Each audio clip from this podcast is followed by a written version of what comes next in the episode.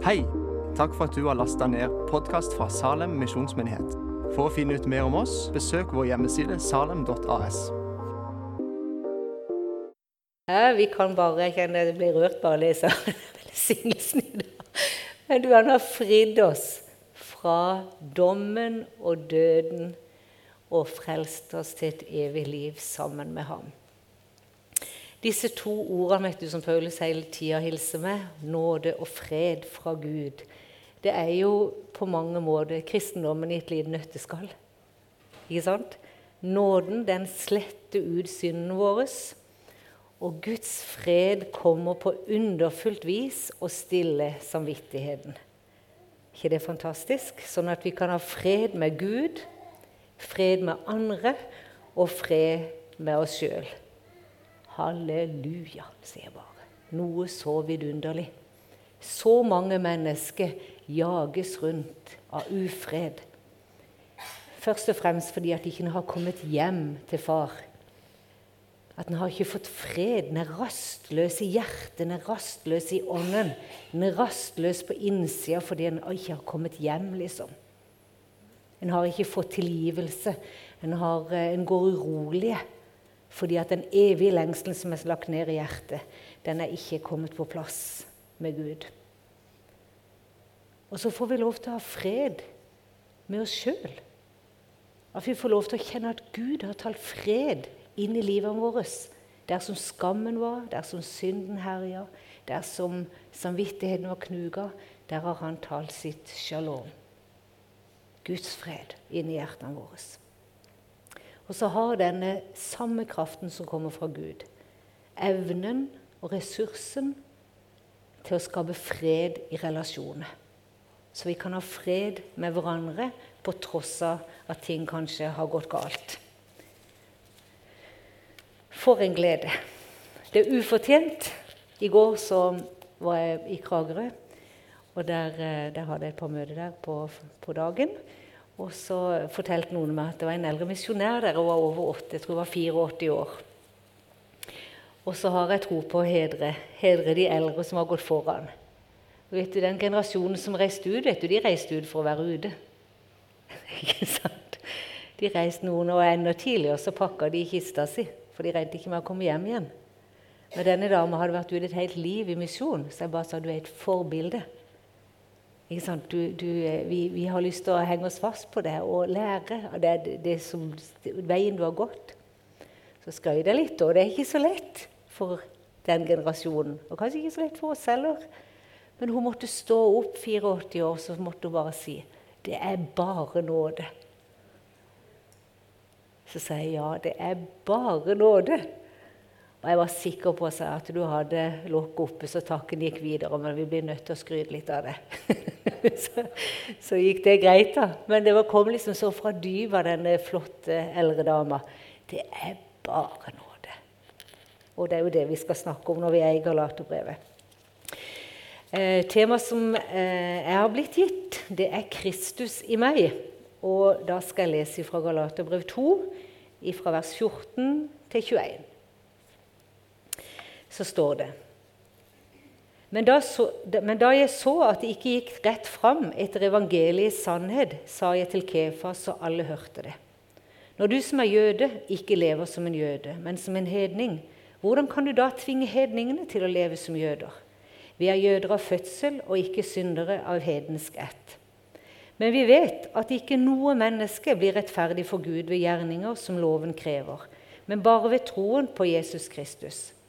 Derfor satte også vi vår lit til Kristus Jesus, og vi skulle bli kjent rettferdige ved troen på Kristus og ikke ved lovgjerninger.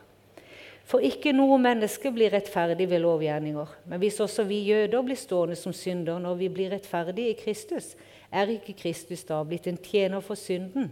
Slett ikke.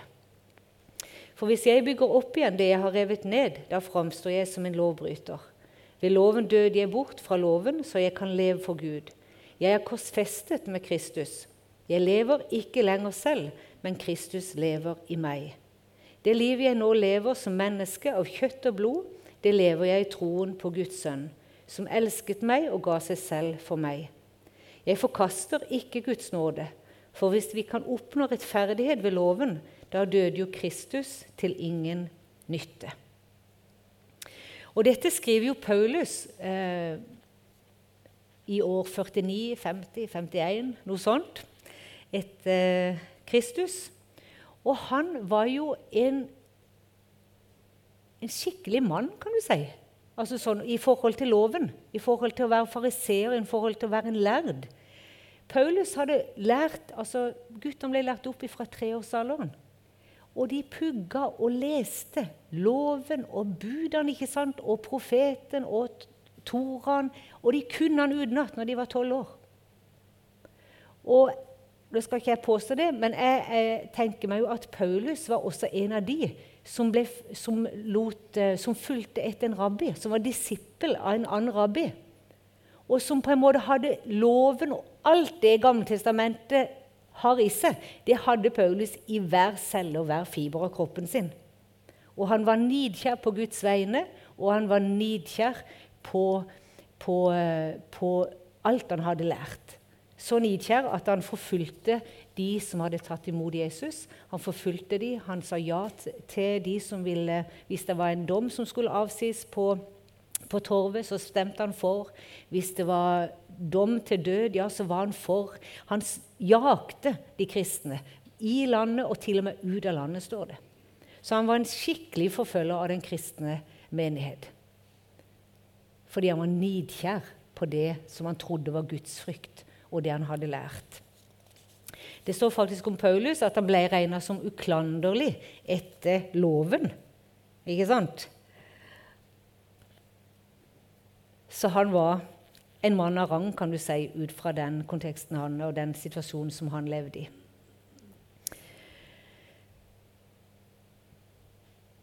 Men så skjer det jo noe i Paulus sitt liv.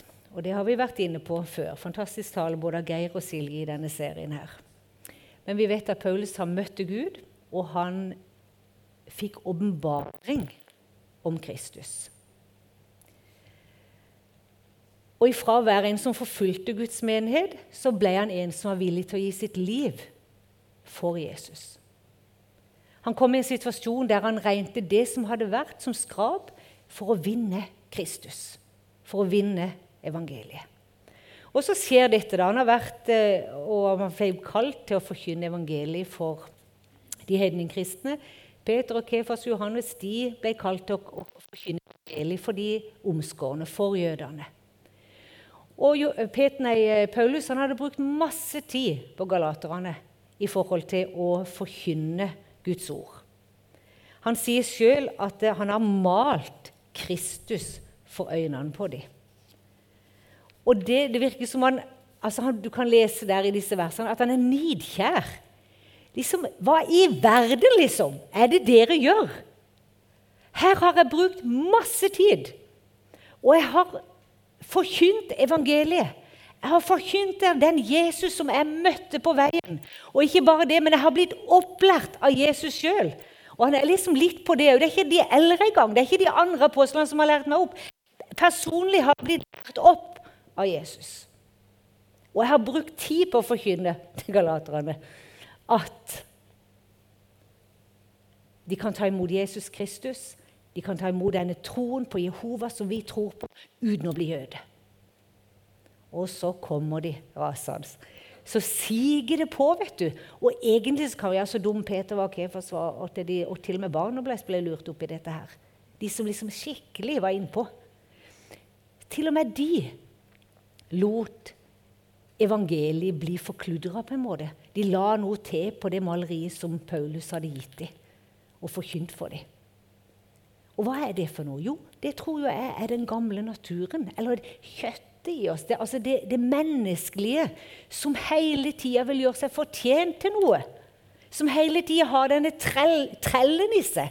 Som på en måte har latent i oss at vi trenger å fortjene Guds nåde. Vi, vi må gjøre oss fortjent til å være elska.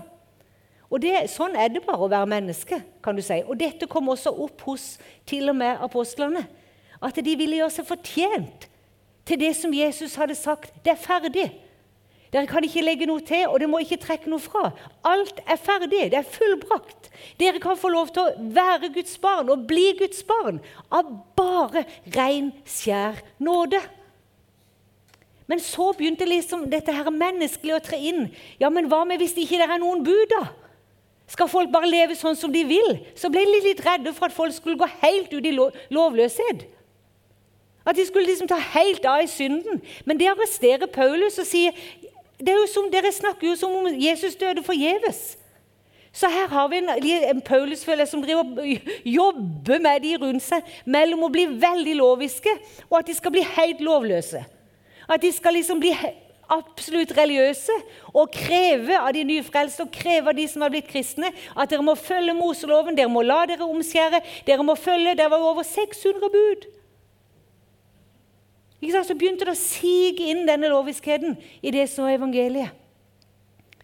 Og så, og, og så, kan du liksom skimte litt i de andre at de er litt redde for at denne friheten som Kristus da har kjøpt oss til, skal benyttes på den måten at de lever et liv i synd og ikke bryr seg om at Gud er hellig. For var det noe de var sikre på, så var det at Gud er hellig, og han tåler ikke synd. De hadde gått opp til Jerusalem hvert år. De hadde gått opp til, til å ofre sine offergaver. De hadde sett øverstepresten gå inn i det aller helligste. Og de visste at han måtte gjøre opp offer for deres synde, for Israels synde. Så de var fullstendig klar over at Gud er hellig, og at de er avhengig av Hans nåde for at det skal gå godt med dem. Men så når tida gikk litt, så glemte de at han som var selveste øverste presten, bar sitt eget blod inn i det aller helligste og helte det på nådestolen over loven og alle kravene og alt det som den hadde krevd. Men så er det jo Paulus jo da sier på en måte i mellomlinjene her Dere skal jo ikke være redde for det, at det, at det skal bli lovløshet. Fordi at det livet som dere nå har fått del i, det overvinner trangen og mørket og synden i livet deres. Det gir dere kraft til å leve det nye livet. Det er jo ikke sånn at Jesu døde oppstandelse skal bli påskudd for at vi kan leve som vi vil. Nei, dette nye livet er så radikalt at det gir en forvandling. Det gir en trang i livet etter å leve et annerledes liv. Et liv til Guds ære. Det har konsekvenser, sier Paulus. Det, det, virker faktisk i livene våre. Det er liksom ikke bare du går fra én teori til en ny teori. Nei, livet blir forvandla. Sånn at vi har nåde og kraft til å leve et liv som er etter Guds ord. Dette var det jo, Vi feira jo Martin Luther for eh, var det i fjor her, for 500-årsjubileum. Det var dette som forvandla den kristne verden etter århundre med trelldom. Ikke sant?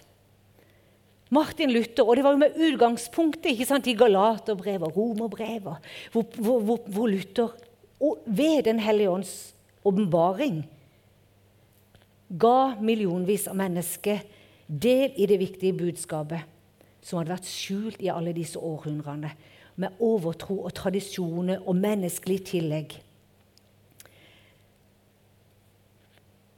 Han ble grepet av budskapet om rettferdiggjørelse ved tro. Og denne sannheten, som har levd videre i de hundre årene etterpå, har satt millionvis av mennesker fri. Fantastisk. Og det er jo dette vi lever i.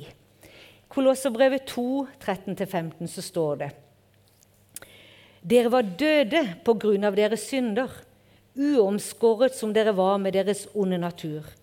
Men han gjorde dere levende sammen med Kristus idet han tilga oss alle våre synder.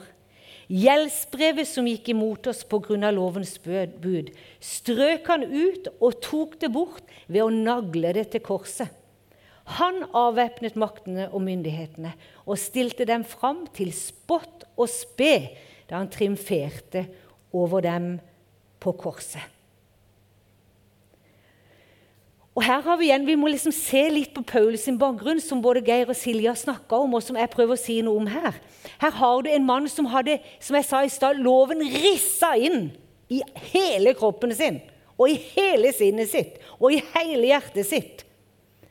Og han visste hva lovens krav var, og hva lovens bud var.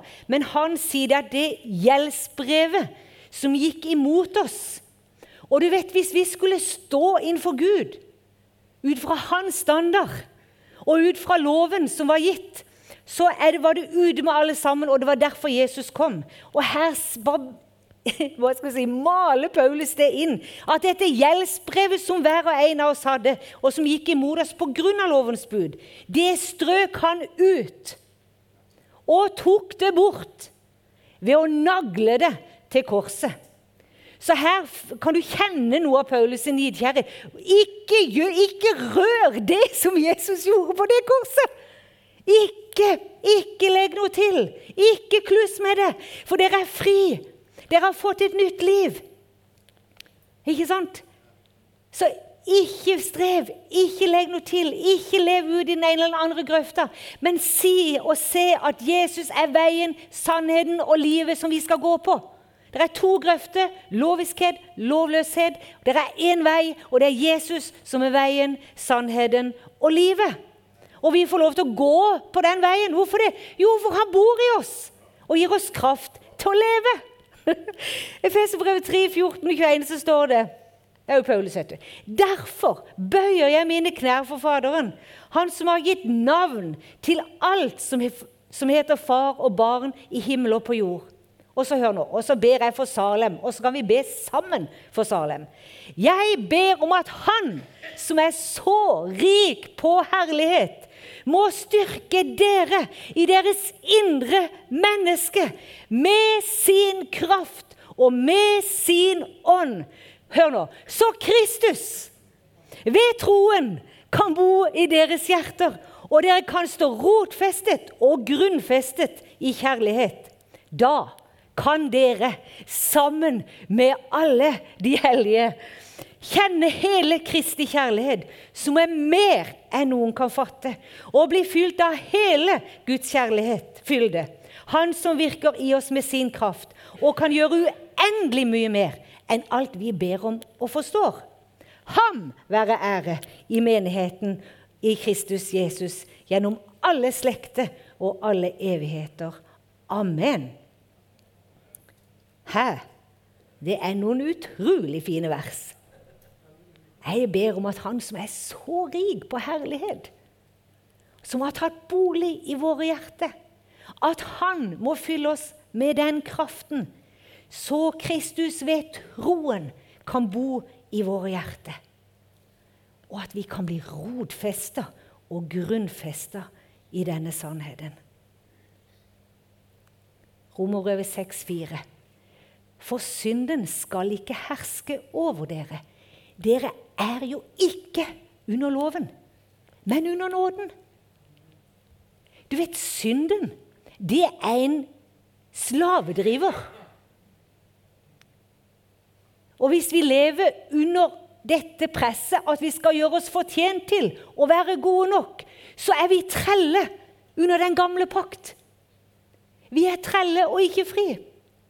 Men Paulus sier til galaterne, til romerne, til efeserne at synden, den skal ikke være det som har herredømme i livet deres. Skammen, dommen, døden, mindreverdigheten, dårlig samvittighet skal ikke herske over dere. Hvorfor trenger ikke det å herske over oss? Fordi vi er under nåden. Ikke sant? Skal bare gni akkurat det inn litt. Loven kom til for å gjøre fallet større. Men der synden var stor, ble nåden større. Og så hør Og som synden har hersket der døden var Og Paulus snakker om loven, at han er død for loven.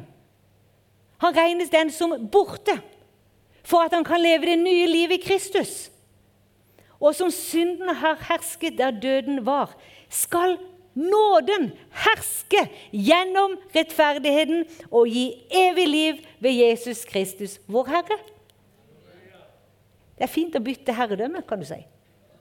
Det er veldig bra for kropp, sjel og ånd å bytte herredømme.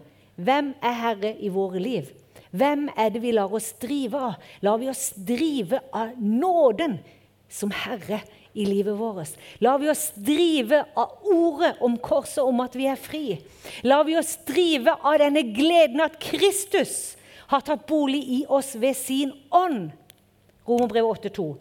Livets, for livets ånds lov har i Kristus Jesus frigjort meg fra syndens og dødens lov. Vi har fått del i livets ånd. Godt bytte. Første kor 1,9. Gud er trofast, Han som har kalt dere til samfunn med sin sønn Jesus Kristus, vår Herre.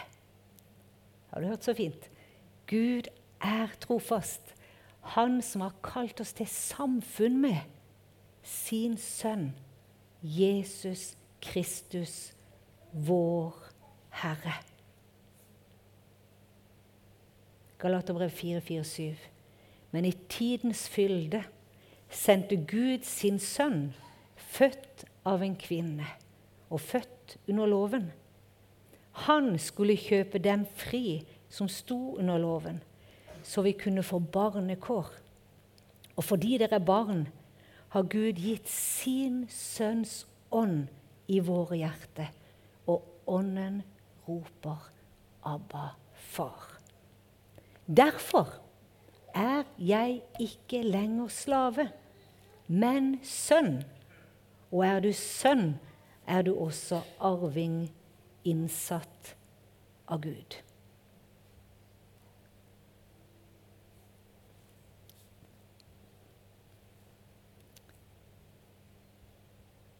enda et vers som sier noe om det. Rombrevet 8, 15, 17. Dere har ikke fått trelldommens ånd, så dere igjen skulle være redde. Dere har fått barnekårets ånd, som gjør at vi roper 'Abba, far'. Ånden selv vitner sammen med vår ånd og sier at vi er Guds barn. Men er vi barn, da er vi også arvinger. Vi er Guds arvinge og Kristi medarvinge. Så sant vi lider med ham, så skal vi også få del i herligheten sammen med ham. En del av Paulus sin lidelse var nettopp dette, at han står opp for hva Jesus gjorde på korset. En del av Paulus sin lidelse var at han måtte dø bort fra loviskheten og leve i friheten han hadde fått ved at Jesus hadde tatt bolig i hjertet hans sitt. Han sier 'jeg'. Paulus har bare helt identifiserer seg med, med Jesus død på korset. Han sier 'jeg er nemlig korsfestet med Kristus'. Paulus hadde åpenbaring på dette.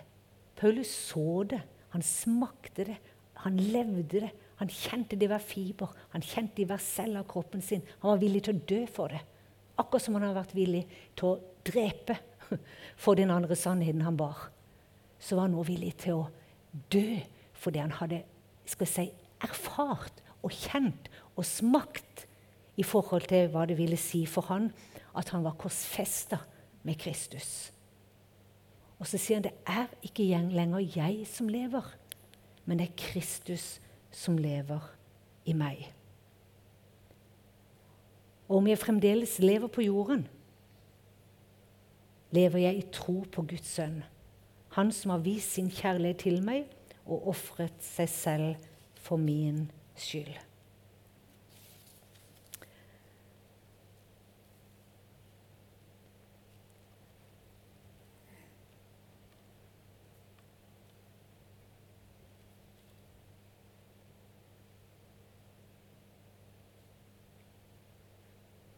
Kanskje vi bare skulle rett og slett ta litt tid nå til å la det synke inn i hjertene våre.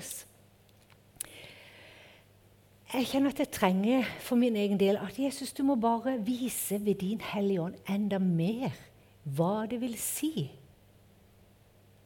at jeg ble korsfesta med det, og at du bor i meg. Og at jeg ikke lenger under trelldom, men at du har kalt meg til frihet. At ikke jeg lenger er vokta på om jeg gjør rett eller galt i forhold til om jeg er god nok for Gud.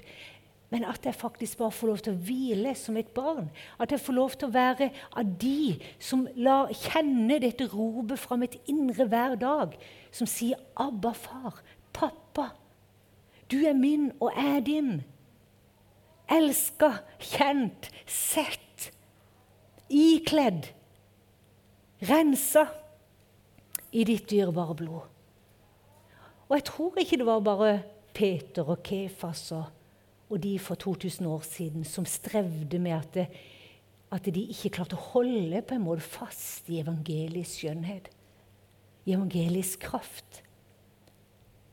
At det var bare de som kanskje sto på så mye at de mista liksom fylden av Den hellige ånd, og, og, at de mista at det ble noe skygge på det vitnesbyrdet som Kristus hadde lagt på hjertet deres fra før. Det er jo det som skjer. Jeg er sikker på alle som er her. En gang bare så det veldig klart og priste Gud med 60-tallssanger, 70-tallssanger, 80-tallssanger, 90-tallssanger, 2000 års gamle sanger, og bare måtte prise Jesus. Halleluja, jeg er fri. Halleluja, min sjel er fri. Ikke sant? Og så kan vi bare ta den ene sangen etter den andre, og vi kan bare hente opp når det liksom bare rungte. Det bare sang ifra vårt indre. Min sjel er fri. Det er jo Peter og det er jo Kefas òg. Men så gikk livet, og så hang de noe på. Og så noen som tok leilighet og levde helt på huet i synd. Mens andre ble helt fortrengte i, i lov, loviskhet. Og det ligger liksom potensielt til stede, tenker jeg, i alle livene våre. Mens Jesus vil at vi skal se på han som er veien, han er sannheten, og han er livet, han er friheten, Derfor står det i Filippo-brevet 'Gled dere i Herren alltid'. Ikke sant? Gleden i Herren er deres styrke. Ikke fordi vi alltid går rundt og er så glade, men gleden i Herren kan faktisk være der hele tiden og vi ser at vi går på Hans vei. Så kan vi ikke bare ta et par minutter hvor vi kjenner etter. Hvor er jeg? Er det noe jeg trenger å gi til Jesus? Av trelldom? Av loviskhet? Eller at synd har hengt seg fast. At den blir likegyldig og tror at ja, ja, ja, det er ikke så nøye. Men at vi får lov til å på nytt kjenne kraften fra Gud. På nytt kjenne denne kjærligheten legge seg på hjertet, som gjør at vi ser kjærligheten som Jesus viste da han døde på korset. Da loven og all dens krav ble hengt fast, da synden og all dens fordervelse ble korsfesta, og han sto opp igjen for at vi skulle leve et nytt liv. Far, nå bare kommer vi til det. Takk deg, far, for at du har kalt oss inn til fellesskap, til samfunn med deg, til liv med deg. Takk for at Kristus, livet Jesus, skal få lov til å blomstre og spire og komme ut, Jesus, av våre liv. Så nå bare gir vi deg, Jesus, vår loviskhet, vår lovløshet. Og så ber vi om at du skal sette oss på sporet. Jesus, du er veien, sannheten og livet. Pris deg, Herre.